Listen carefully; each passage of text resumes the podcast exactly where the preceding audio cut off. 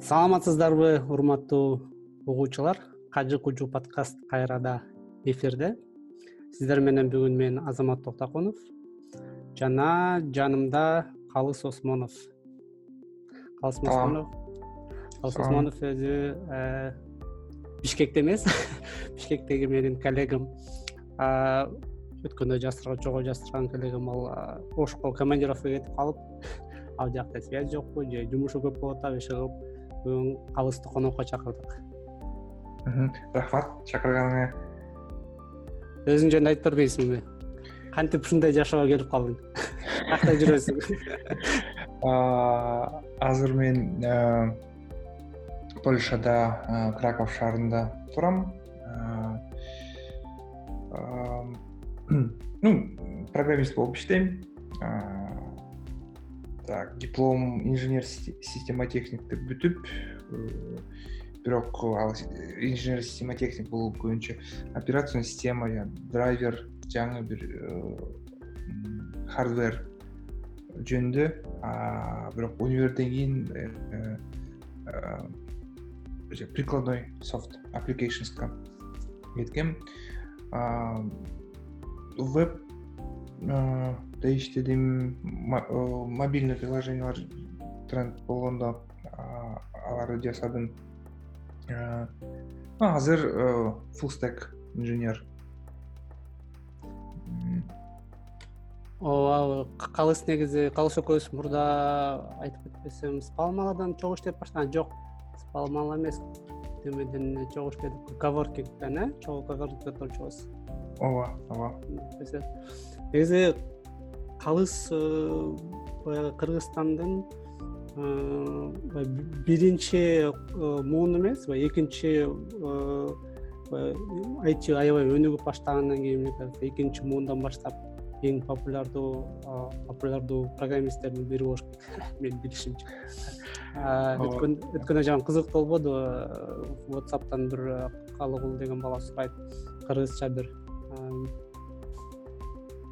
немени которуп атат да жана affiliate intelligence депчи. Искусственный интеллектти кыргызча кандай болот деп которуп атпайбы? Анан бир программист берлинде иштеген тили кейжини ачып анан ошол жактан немесин жазып атпайбы? Э, искусственныйдин кантип которулат депчи? Анан жасалма деп чыгып калды да жасалма деп. Анан че то жасалма жакшы угулбай атат да.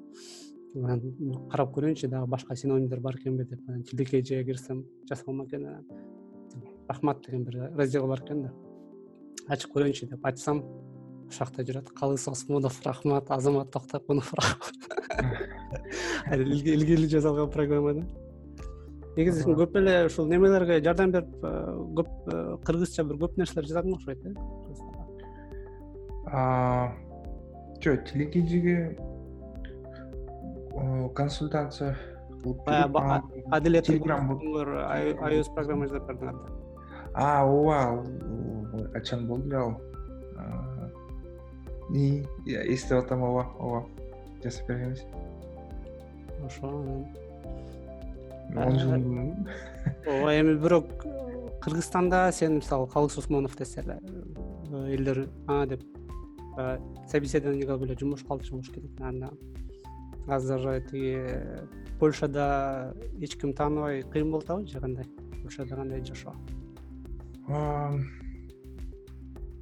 ну эми бишкекте кантип э, өзүмдү атайын эмес бирок бирөө келип тигиндей митап болот э, чыгып сүйлөп бересиң десе есмен болчумун да ооба. Э, топик идеялар бар. Презентация даярдайм. Айтып берем деп. И ошентип жүрүп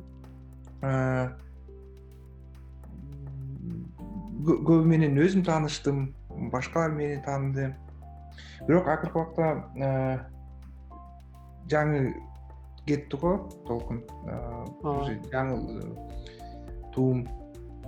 Барсам тиги мен анан роман кононов экөөбүз эле бишкекте калып турбуз и калгандар баары жаштар.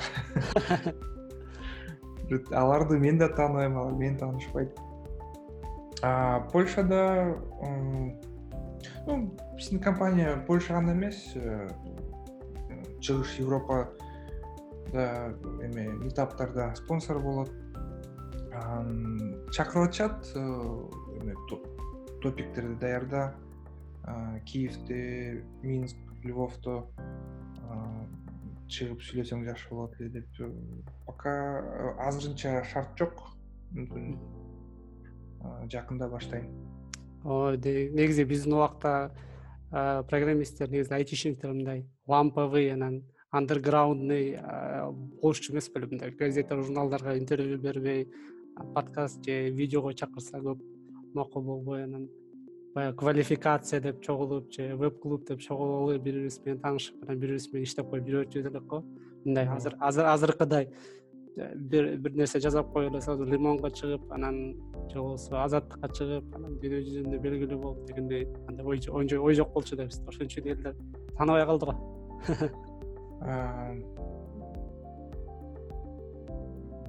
ну менин оюмча айти башка деңгээлге чыкты. Биз көбүнчө менин оюмча биз энтузиаст болчубуз көп деле материал жок эсимде интернет там кымбат изденүү бар болчу да. Азыр айти абдан популярдуу болду. Эмесин профессиясын алмаштырган адамдар көп. Жаш жаштар жаштарга да кызык болуп атат. И материал карап көрсөң там курстар пайда болду шаардын бишкекте курстар жанагындай корсера юdemy и ошонун баары таасир этип көп бул азыркы толкун бул масса көп да. Сен кандай деп ойлойсуң? Азыр могу ошол тренд болуп атпайбы айтичи? Анан бишкекте курстар аябай көп ачылды. Анан элдин баары эле баягы жумушун алмаштырганды ойлоп айти популярдуу болуп атат анан алты ай курска окуп туруп эле анан кийин жумушка иштеп кетебиз деген ойлор менен баары барып атышат. Аларда андай немеси барбы шанс барбы или шанс э, бар бар э, мен спалмаладан эң мындай. Так. Э, мурун башка кесипте жүрүп ал кесипте уже потолокко чейин жетип анан айтиге өткөндөр ошолор менен э, бизге эң кызыктуу болчу да. Э, ошолор мотивациясы абдан чоң. Там көз каранды үй бүлөсү барбы же жокпу именно бир бир кесиптен потолокко жетип туруп анан башка айтиге өткөндө ошондо э, эмнегедир результат жакшы көргөзчү өсүшү да жакшы болчу. Мүмкүн башка кесиптен алар көп процесстерге үйрөнгөн и ошол опытын анан айтиге алып келди да. То есть именно билими бар баягы иштеп жүргөн мындай адекватный кишилер да э?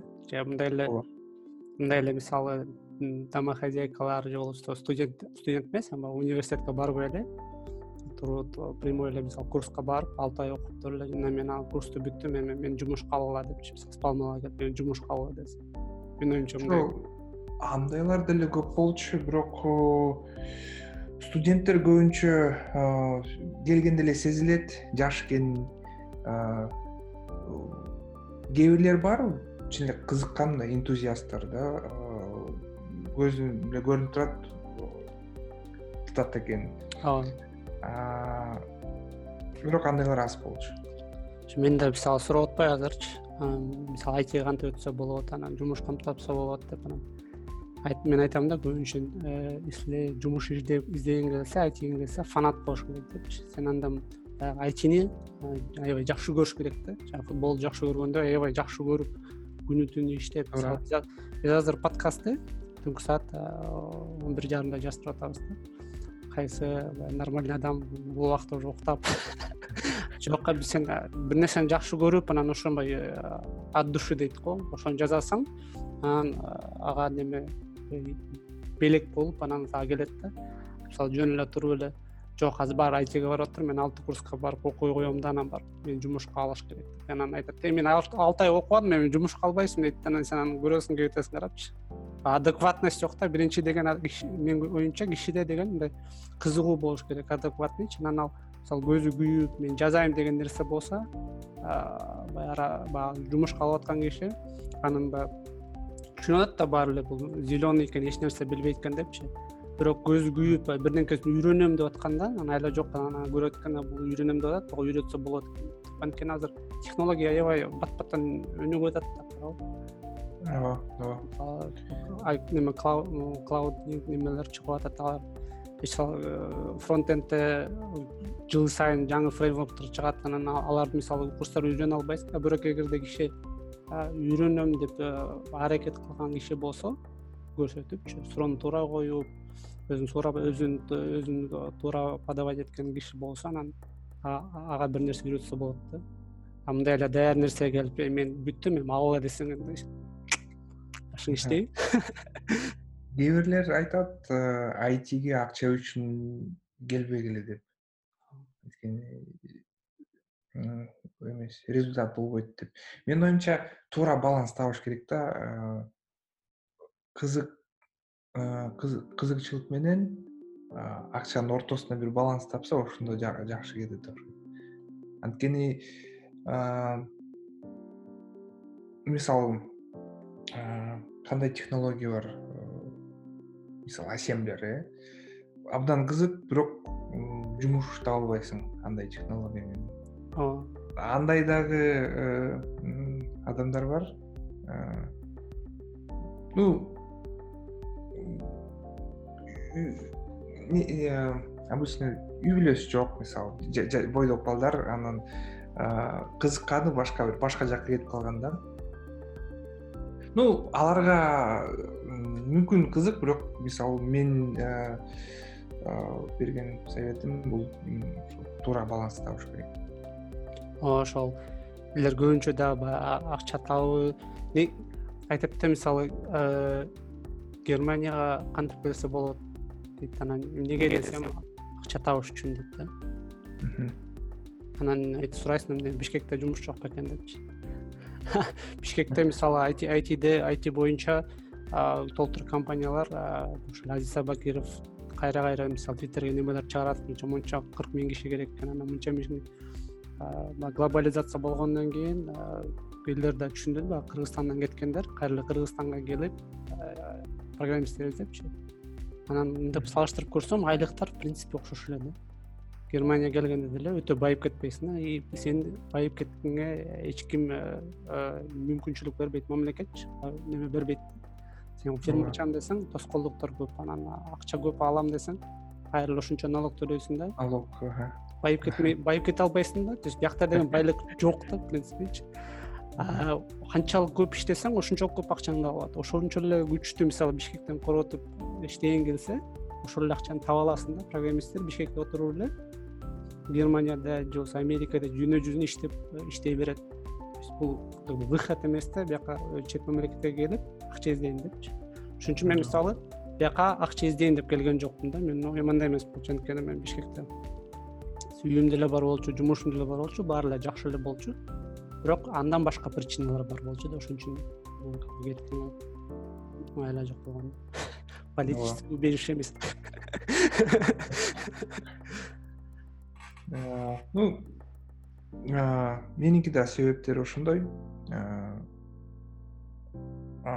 айлык меники как компания абдан ремоут ремоут френдли бизден коллегалар бирөөсү сингапурга кетти бирөөсү мексикага кетти ошол жактан иштей беришет. Мен деле жакында кыргызстанга барып иштей берем. Ну тайм зона башка кичине ыңгайсыз бирок болот иштегенге айлык ошондой эле. Тескерисинче бул жерден э, налог көбүрөөк. Көбүрөөк эмес көп. Э, кыргызстандан э, патент алып алып эле иштей берчүмүн а бул жерден уже көп процент төлөш керек айлыктан бирок жагып атабы? Вообще за границей. Же. Блин эмне келдим үйдө эле отура бербей деп атасыз жок жок. Көп нерсе бар. Мисалы бул акча үчүн эмес коопсуздук шаардын инфраструктурасы балдардын билим берүүсүн да көп ойлонуп жүрүп ошол ошолор себеп болду келгенине ооба мен тиги бишкектен спалмалга жеткичекти беш жолу нерв болчумун да машина мененчи жолдон встречкага чыга калат анан кийин эй очкарик куда лезешь деп кыйкырат. Нерв болуп отуруп жумушка жетесиң да кайра нерв болуп отуруп жумуштан кетесиң а биякта болсо мисалы жумушка барып келгенде бир жол менен барып келесиң постоянночи автопилот мененчи тыптынч анын үстүнө жана бишкекте менин балам аллергия болуп чаңдан ооруй эле берчи больницадан больницага ушинтип эле жүрүп жүрүбүз да биякта болсо абасы таза бак дарактар мисалы бирөө үй салам десе жер жок да үй салдырбайт. Анткени бактар бар да бактарды кыйдырбайт. Бишкектен болсо парковка салыш керек деп туруп бактын үй салганда. Ошон үчүн биякта токойлор аябай көп да жайлоодо жүргөнсүз анан сен неме кыргыз туугандары эмне кетип калдың бизди сатып кеттиң деген жокпу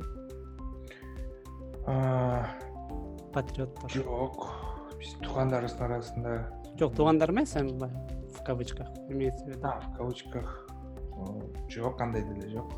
Мен буга чейин малайзияда жашап келдим. Бизде тескерисинче башка жака чыкса. Жок эми азыр мындай тема болуп өткөндө неме көрдүм? Футбол.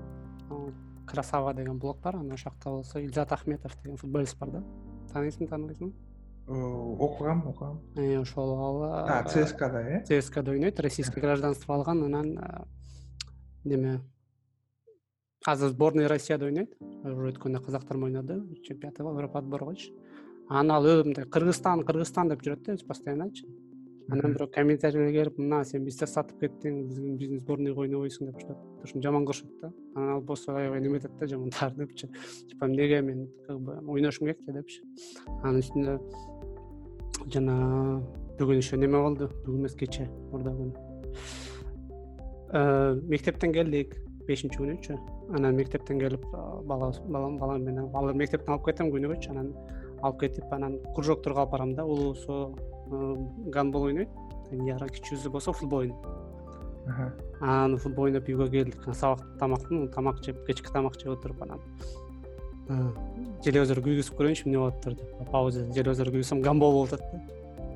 Ой карасаң гандбол болуп атат типа профессионалдар ойноп атыптыр чемпионат европада депчи кара испания менен ким венгрия ойноп атпаймынбы ошо полуфинал. Ойноп атат карасаң данияр деп даниярга айтсам карап карап анан таң калып атпайбы анан ушу футбол болуп атканда сурай берет эмне үчүн кыргызстан ойнобойт депчи. Кыргызстанга болеть этип кыргызстандын флагын билишет да. Унутпайт да кыргызстандычы постоянно кыргызстанга барабыз деп ошентип анан мен билбейм да ушу гандбол барбы бизде жокпу деп анан. В принципе ойнобой эле болуш керек просто бул чемпионат европы биякта европанын мамлекеттери эле ойнойт деп түшүндүрүп атам да. Деп анан ойлонуп ойлонуп анан эстеп кеттим бизде бир э, кыргыз бар болчу. Испанияда как раз ойногончу. Талант дүйшөбаев деген олимпийский чемпион анан тренер болуп ушу легенда да. Анан ошол жөнүндө айтып берип баштадым да ушундай бир кыргыз бар болчу. Кыргызстандан ошо испанияга ойночу там көп нерселер утуп алган деп ушинтип атсам эле короче телевизордо немеде а теперь из семьи дюшебаевых алекс дюшебаев деп ушинтип алекс дюшебаев ким бул деп короче гуглда ачып издеп атам алекс дюшебаев депчи. Издесем короче талант дюшебаевдин баласы экен да. Еще анын эки баласы бар экен даниэль алекс. Анан экөө тең испанияда ойнойт экен. Еще испанияда э, немеде ойнойт экен да сборныйда ойнойт экен да. Таң калып ничего себе сборныйда ойнойт экен? Я топить этип баштадым а давай испания ошого тууралуу көрүп көрдүк. Барып алып контентчиге жаздым мындай мондай бар экен деп анан финалга чыгышты. Анан бүгүн финалда ойноп утуп атпайбы ушу утуп алганда дагы алекс ал мындай жөнөкөй эле мындай жөнөкөй эле там оюнчу эмес. Именно финалдагы эң важный голду киргизди да последний голдучу получается ата энеси токсон үчүнчү жылы испанияга эмигрировать этиптир баягы ссср бүткөндөн кийинчи бирок ал кыргызстанга келип турат экен бир еще интервьюсун окудум. Ал мен кыргызстанга баргам там двоюродный туугандар да кыргызстандан экен жакшы депчи. Бирок ал өзү испанияга өзү как бы испанияда төрөлгөн испанияда чоңоюп өскөн как өзү испанецмин деп эсептейм да. Бирок как этнический кыргыз да. Аны бирөө айтып берген өз убагында мисалы майкл джордан сшда ушу жылдыз эле го талант дүйшөбаев испанияда ошондой деңгээлде болчу дейт жаныбол боюнча ну талант дүйшөбаев испания менен анан польша менен да байланыш. Мен жакында караганда талант дүйшөбаев бул краковдун жанында бир канча сексен километрб алыста кельца деген шаар бар. Ошол шаардын командасынын тренери анан ойлоп жүргөм барып бир күн эме матч болгондо көрүп келейин деп. Барып кел барып флагты көтөрүп алып ооба кыргызча сүйлөбөсө дагы орусча точно сүйлөйт болуш керек анткени. Ооба сүйлөйт. Барып вот поздравляю вас деп эле. Ушинтип жок мен просто жанагы темада ойлогон атам да кийин если биз калып кала турган болсок кетебиз негизи кыргыздардан сурасаңчы биякта каласыңбы же кетесиңби десе жашап жашап анан кетем деген эле кишилер бирок эч ким кете элек да почему то андай эки досум сүйлөшүп мен жөнүндө сүйлөшүп анан мындай сөз болуптур бирөө айтыптыр болду кетет келбейт деп. Экинчиси жок келет деп. Белгилешкен окшойт анан мен да кайра барам деп жүргөм бирок азыр билбейм ну варшавага барып келдим. Краковду э, изилдеп атам шаардын жакшы эмнеси жакшы адамдар абдан тынч сылык. Анан ошого көнүп алып анан кыргызстандан кичине кыйналбаймынбы деген ойлор пайда болуп баштады меники. Мен кыргызстанга бара элегиме үч жылдан ашты бияка келгенден бери бара элекмин да быйыл жайында барсам деп ойлондум мага культурный шок болуп эмне болуп атат эмне мынча шумный деп.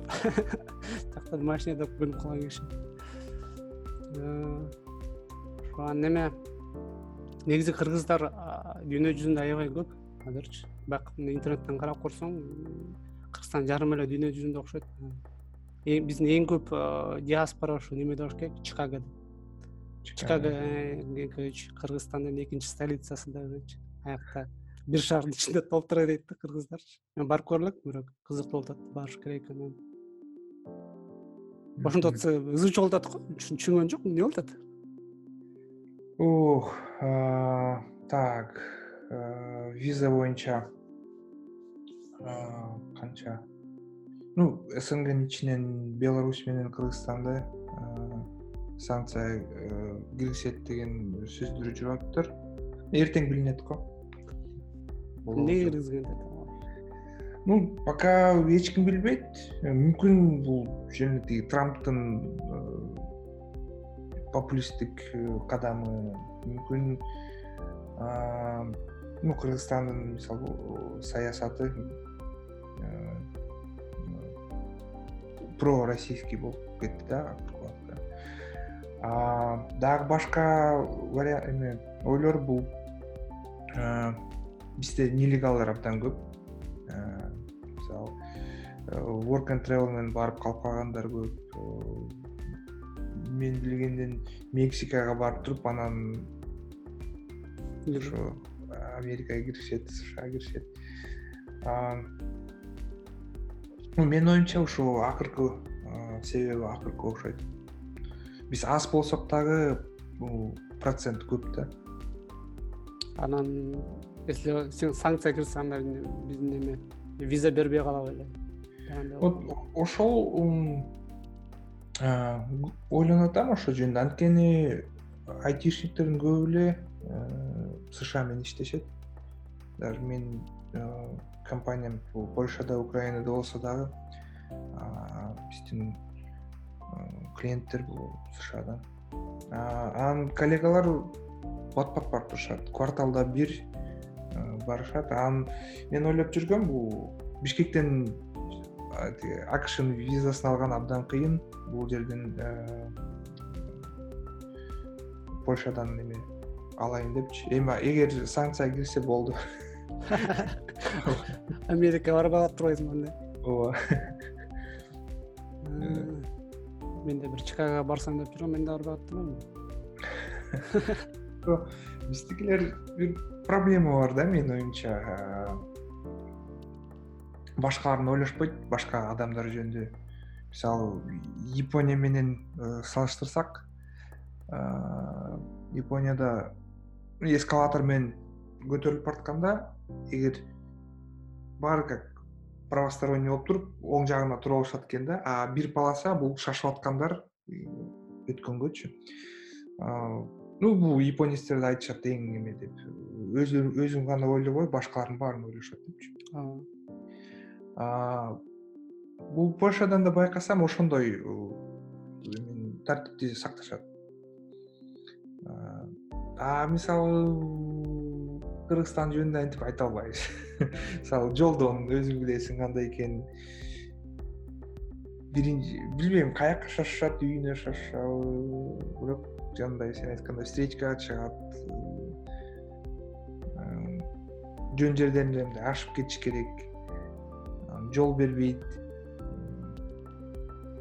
өзүнүн эле ойлошот да. Бизге мисалы мектептин курсуна жанаг теория игрды киргизсе жакшы болот эле деп ойлойм. Анткени ошо теория игрдан көп нерселерди үйрөндүм.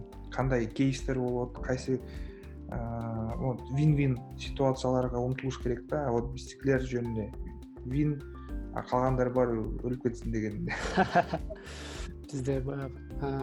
Аң сезим акыл эс деген көп кире элек да адам кире элек элдин баары үчүн айтып бербей эле коеюн.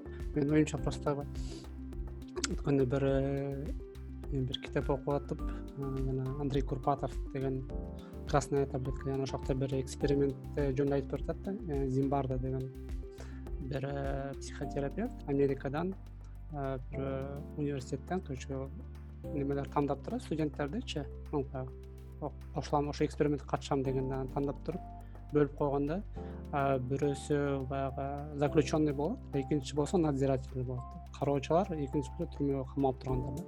Ошо эки группага бөлүп туруп анан айтышат да мына силер короче ушундай болдуңар кааласаңар жасасаңар болот депчи. Анан ошол биринчи күнү эле барып туруп эле тигилер тигилер камап кыйнай башташат пыткага алып элечи бирок эксперимент немесинде жок да правиласында андай жазылган эмес да сен кыйнашың керек депчи алар өзүлөрү эле ушинтип кыйнап башташат да. Анан тигилер психологический стресс болуп ушундай неметип албагаттан алтынчы күнү э, тиги коллегасын чакырат мына ушундай эксперимент кылып атам десе тиги коллегасы аял келип туруп сен башың иштебейм го булар вообще жин болуп кетишкен турбайбы эмне кылып атасың депчи. Көрсө тигилер баягы чын жашоодогудай эле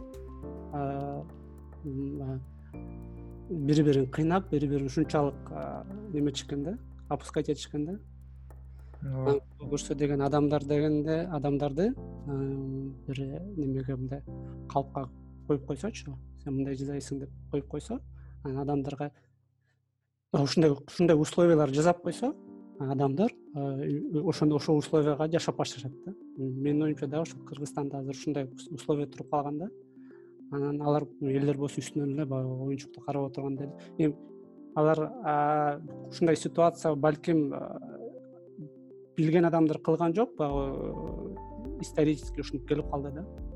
Анан менин оюмча бул ушундай оор нерседен чыгыш үчүн сен баягы адатыңды жашап жүргөн адатыңдан үйдө башкача жашашың керек да. Сен бүтүп баарын тыштап туруп башкача ойлонуп башташың керек. Ал үчүн сен менимче менин оюмча баягы выход бул китеп окуу да? Ооба китеп окуп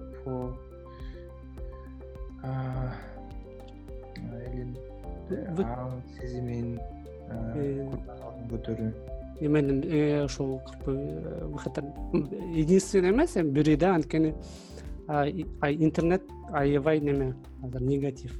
Интернетке чыксаң жакшы нерсени окубайсың да лента сенин башыңды баягы кайра кайра эле бир нерсени кыла берет бир нерсени жылдыра берет. Анан чет мамлекетке кетип калайын десең аны жетиш үчүн дагы көп убакыт керек да. Мисалы китеп окуп баштасаң мисалы өзүнүн дүйнөсү бар да. Сен окуп баштасаң түшүнүп баштайсың сен өзүң токтоп эс алып терең дем алып эч нерсеге отвлекаться этпей. Анан ошон үчүн бир неме болуп ошол бир долбоор башталыптыр кыргызстанда мен билген эмесмин да. Өткөндөрү ошо билип калдым. Бир адамдан бир китеп дегенчи. Анан алар китептерди чогултуп ошол мектептерге берип атканбы иши кылып ушундай бир изучуу кылып атат жакшы нерсе да. Анан бизге ошол германияга германиядагы кыргыздар да чогулуп алып ушундай бир долбоор башталыптыр анан кыргыз нетворк академиялык уюму деген бар тааныш балдар студенттер чогулуп алып ошол германиядагылар акча чогултуп атышат да. Анткени биз бияктан китеп жибере албайбыз да. Өзүлөрү акча чогултуп анан ошол жакта бир аскердик бөлүккө библиотека салып берели депчи. Анан ойлоп атам если китепти жөн эле берип койсоң анан алар окуйбу окубайбы? Тоже вопрос да. Анан ошо контент бир кыз жебек деген кыз неме жазып калды. Бул жылы сөзсүз түрдө окулушу керек деген беш китеп депчи обязательно ушул жылы окулуш керек деп анан список жазыптыр. Анан ошол короче баары кошулуп кетип анан ойлондум сонун идея эми челлендж кылыш керек депчи айс пакет челлендж дегенде баары катышып баштайт го. Анан ошентип мисалы авторитет адамдар өзүлөрүнүн беш китебинен бөлүшсө кайсы китепти окуш керек экен баягы. Мен э, көп кишиден баягы өнүккөн кишилерден э, көп угам да мен бир китепти окудум ошол менин жашоомду өзгөрттү депчи. Ошондон баштап мен башкача жашай баштадым дегендер угуп калам да. Мен да в принципе кичинекей кезимде эле кийинчерээкте бир китептерди окуп анан ошол менин жашоомду башкача карап калгам да жашоогочу анан ошондой список жазардым беш китепти.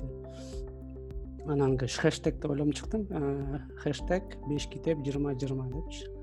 Анан список жазып анан башка беш кишиге өткөрүп бердим да. Анан тиги бир адамга бир китеп деген долбоорго короче акча котордум да ушундай бир э, э, челлендж жибердим. Эми көрөбүз ал иштейби же иштебейби балким иштебейт ал жөн эле идеалистический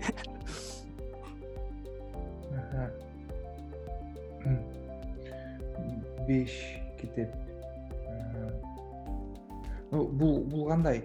Бул уже сен окуп бүткөн китепти сунуш кылып атасыңбы же өзүңө өзүңүн астыңа бул жыйырманчы жылга челлендж кылып атасыңбы жок менин оюмча бул сен окуган өзүң окуган өзүңдүн жашооңо баягы бир өзгөрүштөрдү келтирген эң сөзсүз окулчу турган китептер деп сунуштап атам да.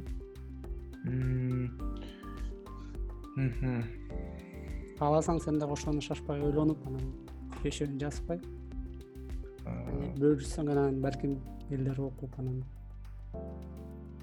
Хорошо ойлонуш керек бул бир так бир проблеманы ойго келди. Мисалы айтышат да мынтип сенин жашың азыр канчада отуз төрткө чыгам. жок жок эми азыр ну автордун э, эгер жашы сенин жашыңан ылдый болсо сага ошол китеп ошол жазган кезиндеги китеп кызык болбойт мисалы азыр мен отуз төрттөмүн эгер автор бир жыйырма бешти жазса ал кызык болбойт. Анткени э, бул азыркы убакта жашап атабызбы же мурун автор жашаганбы? Биздин жашоо турмушубуз окшош эле да. Ошондой эле жашта үйлөнөбүз балдар пайда болот. Мындай кары болгон ну процесстер бирдей эле там элүү жаш элүү алтымышка келгенде уже кичине сезип баштайбыз уже пенсияга жакын калды дегендей. И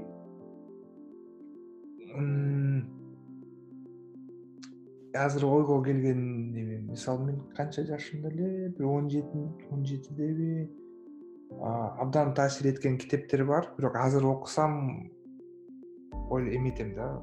Эмне болгон? Эмне эмне жөнүндө ушундай ойлор келет.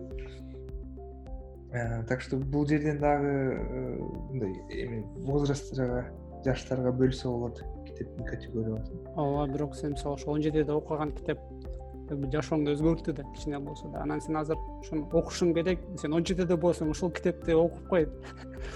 Десең э сен он жети жаштагы балдар ушундай китеп окуптур мен да окуп көрөйүнчү деп окуп анан балким ал дагы өзгөртөт да мындай жакын арада жашоомду өзгөрткөн бул getting things done болду.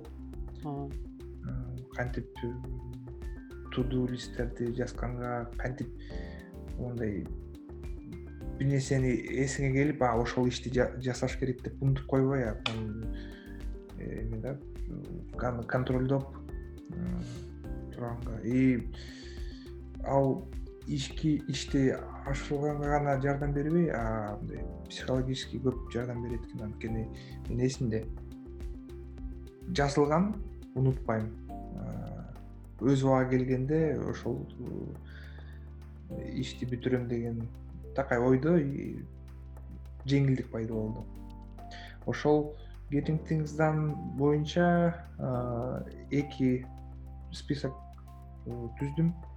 Бул it боюнча китептер анан көркөм китептер деп. Көркөм китептерди дагы тилдер боюнча бөлүп койдум англисче кыргызча орусча болуп эми азыр полякча да кошулду. Ошолорду окуш керек дегенби? список толо берет анан убакыт болгондо бир китепти бүтүп кийинкиге өтүп меники беш китеп гана эмес а мындай перманентно список бар да челлендж бар. Кыргызчадан мукай элибаевдин узак жолун окудум. Эме абдан кыргыз тилин кыргыз мектепти бүткөнгө карабай эптеп септеп кыргыз тили менен кыргыз адабиятын окуп бүтүргөм да. Азыр кайра пайда болду мондай кыргыз тилин үйрөнөйүн кыргызча китептерди окуш керек деп. Анан ал узак жол ошол мукай элибаевдин биографиялык иши экен он алты жылы үркүн жөнүндө анан өзү дагы абдан эме портретист деп коет экен аны. Кыйын окуяларды жазса дагы мындай башкача кылып жазат да мындай портрет катарычы бир бир моментти алып туруп сонун кылып жазганда ошонун баарын элестетип анан эме мындай негатив жок. Абдан жакты.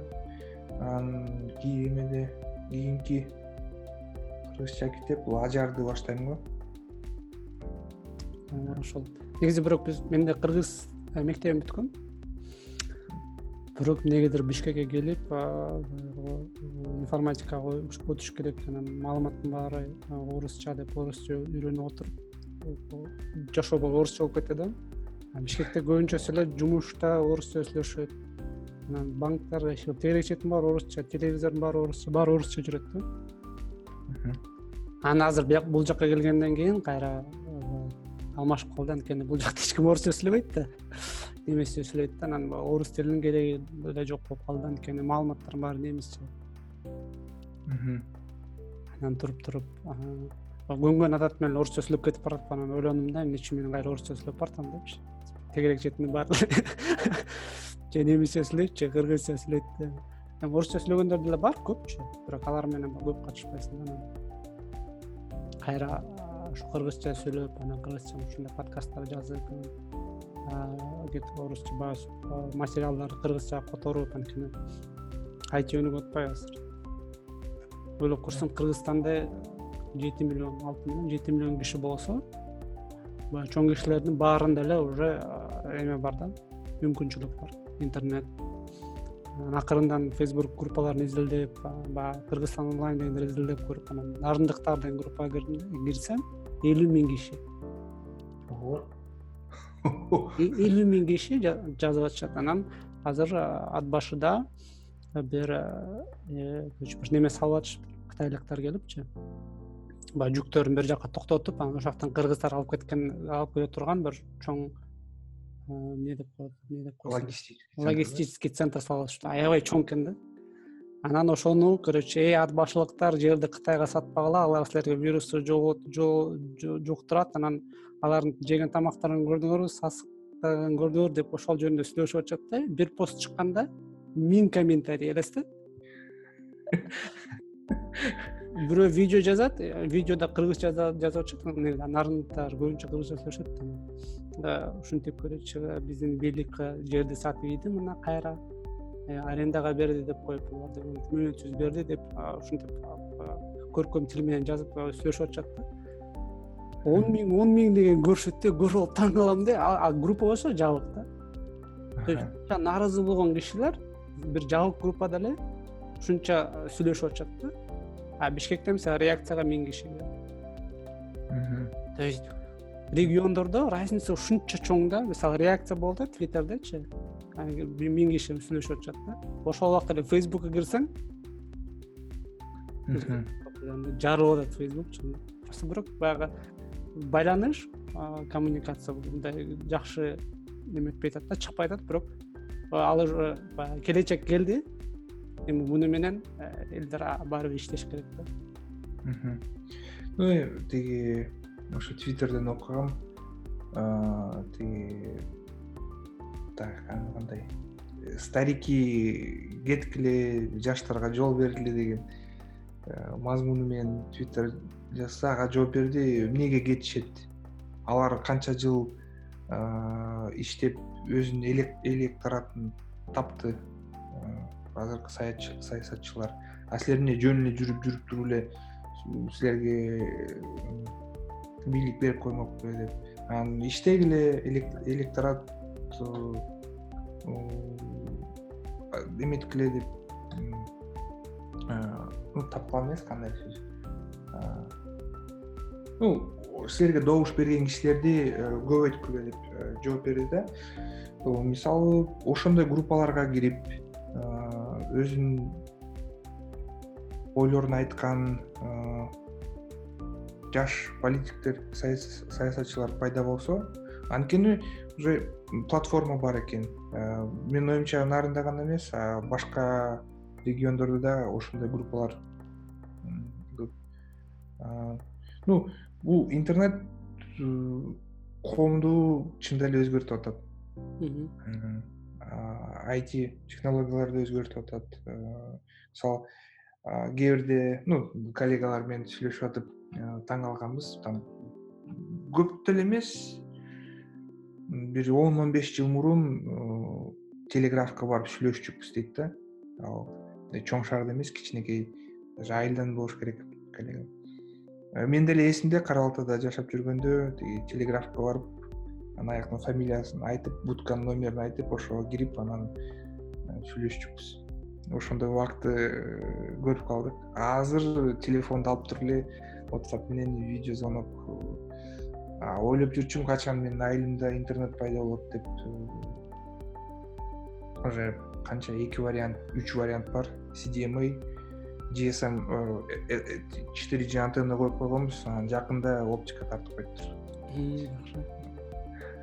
Мен өткөндө бир э, окудуңбу тиги фейсбуктун марк цукерберг жакынкы отуз жылда жакынкы он жылдыкта эмнелер өзгөрөт деген прогноз берди да. Ошол жакта бир бир жерин жакшы эстеп калдым. Муун алмашат депчи сен айтып аткандай менин муунумда ушундай ушундай кыйынчылыктар болчу биз кичинекей шаарда өскөнбүз анан баарыбыз бири бирибизди таанычубыз кыйынчылык жок болду. Бирок э, биздин үнүбүздү эч ким укпайт депчи. Бизди эч ким укпайт. Ошон үчүн мен фейсбук конечно ал азыр өзгөртүп атат. Эсенге андай эмес бирок ошон үчүн мен фейсбукту жасап бердим элдерге. Эми э, жер жүзүндөгү адамдар өзүнүн үнүн менен бөлүшө алат биз ага жеттик дейт да. Бирок ошол айтып аткан кишилер бөлүшүп аткан кишилер э, үнү эч нерсе өзгөртпөйт ал сүйлөп койду токтоп калды. Эч нерсе өзгөргөн жок депчи. Эми жакынкы келе жаткан он жылда ал да өзгөрөт. Ошол э, укпай аткан сүйлөп аткан кишилерди проактивный кишилер эми бийликке келет дейт да. Жаңы муун келип эми бийликти алмаштырат. Баягы биздин э, советтер союзун көрбөгөн кичинекей кезинде көргөн анан жаңы технология менен өскөн кишилер. Мунун баарын түшүнүп билгендер э, технологияны колдонуп билгендер ошолор бийликке келип анан анан башка иштеп башташат ошол кызыктуу болуп атат да ошол ошондо эмне калат экен. Э, бул э, тв тв ну болот. Бирок эгер буга чейин ал бир газета он процент болсо а вот тв аркылуу бир токсон процент маалымат алышчу региондордо. Азыр ал өзгөрдү окшойт менин оюмча. Интернет дагы бир э, канал болду да. Жаш саясатчыларга бул жакшы мүмкүнчүлүк ошону колдонуш керек. Э, өзүнүн оюн жеткизгенге жаңы технологиялар келди жаңы мүмкүнчүлүктөр келди эми. Кол бизде. Мүмкүнчүлүктүн баары бизде. Эми ошол мүмкүнчүлүктөрдү колдонуп көп китеп окуп немелерди мемчиктерди жылдырбай кичине токтолуп. Анткени э, чын чоң күч мунун баарычы элдерди жылдырып жакшы жакшы алып келем десең жакшы нерсени алып келем десең ошо менен бөлүшүш керек да анан рас бүгүн жакшы сөздөр болду. Чет өлкөдө жашап жүргөн кыргыздар кыргызстан. Менин оюмча ушуну бөлбөй эле коюш керек да уужечи баягы глобализация башталды интернет баары келди да. Элдер кыргызстанда жашабаса эле болду кыргыз эмес депчи. Жок кыргызстан деген бул вообще могу мамлекеттерди ойлоп чыккан бул жана айтып атпаймынбы зимбардан эксперимент бул жөн эле адамдар ойлоп таап койгон да. Мисалы адам төрөлгөндөчү а билбейт да сен кыргызсыңбы кыргызстандасыңбы кичинекей бала. Ага үйрөткөн да сен кыргызсың депчи. Кыргызча сүйлө деп атып үйрөтүп койгон да ошондой эле бизге баары үйрөтүп койгон. Границаларды коюпчу а границалар жок. Эч нерсе биздин э, башыбыздын ичибизде ооба чек ара жок. То есть сен дүйнө жүзүнүн кайсы жеринде турган кыргызча сүйлөп кыргызстан жөнүндө айтып кыргызмын же болбосо.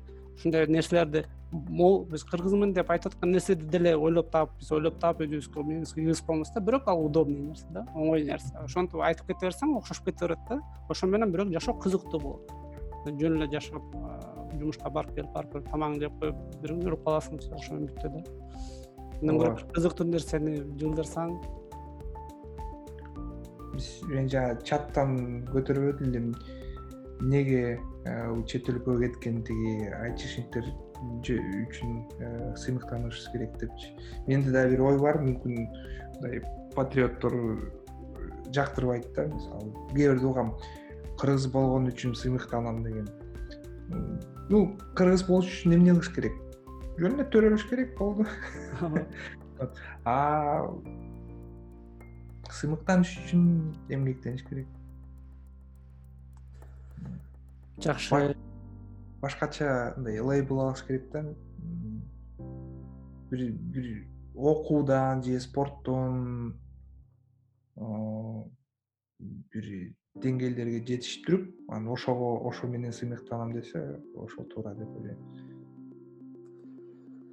Жакшы эми ушундай позитивдүү нота менен биздин э, кажы кужу подкастты аяктайлы э, калыңыз ушинтип э, оор убакта келип конок болуп берген үчүн чоң рахмат. Сага дагы рахмат чакырган үчүн. Көп көптөн келип тур. Анан ошол алыс жерде жүрсөң дагы сага анан сенин үй бүлөңө ийгиликтер каалайм рахмат. Биздин подкастты укканыңыз үчүн чоң рахмат. Сак саламатта калыңыздар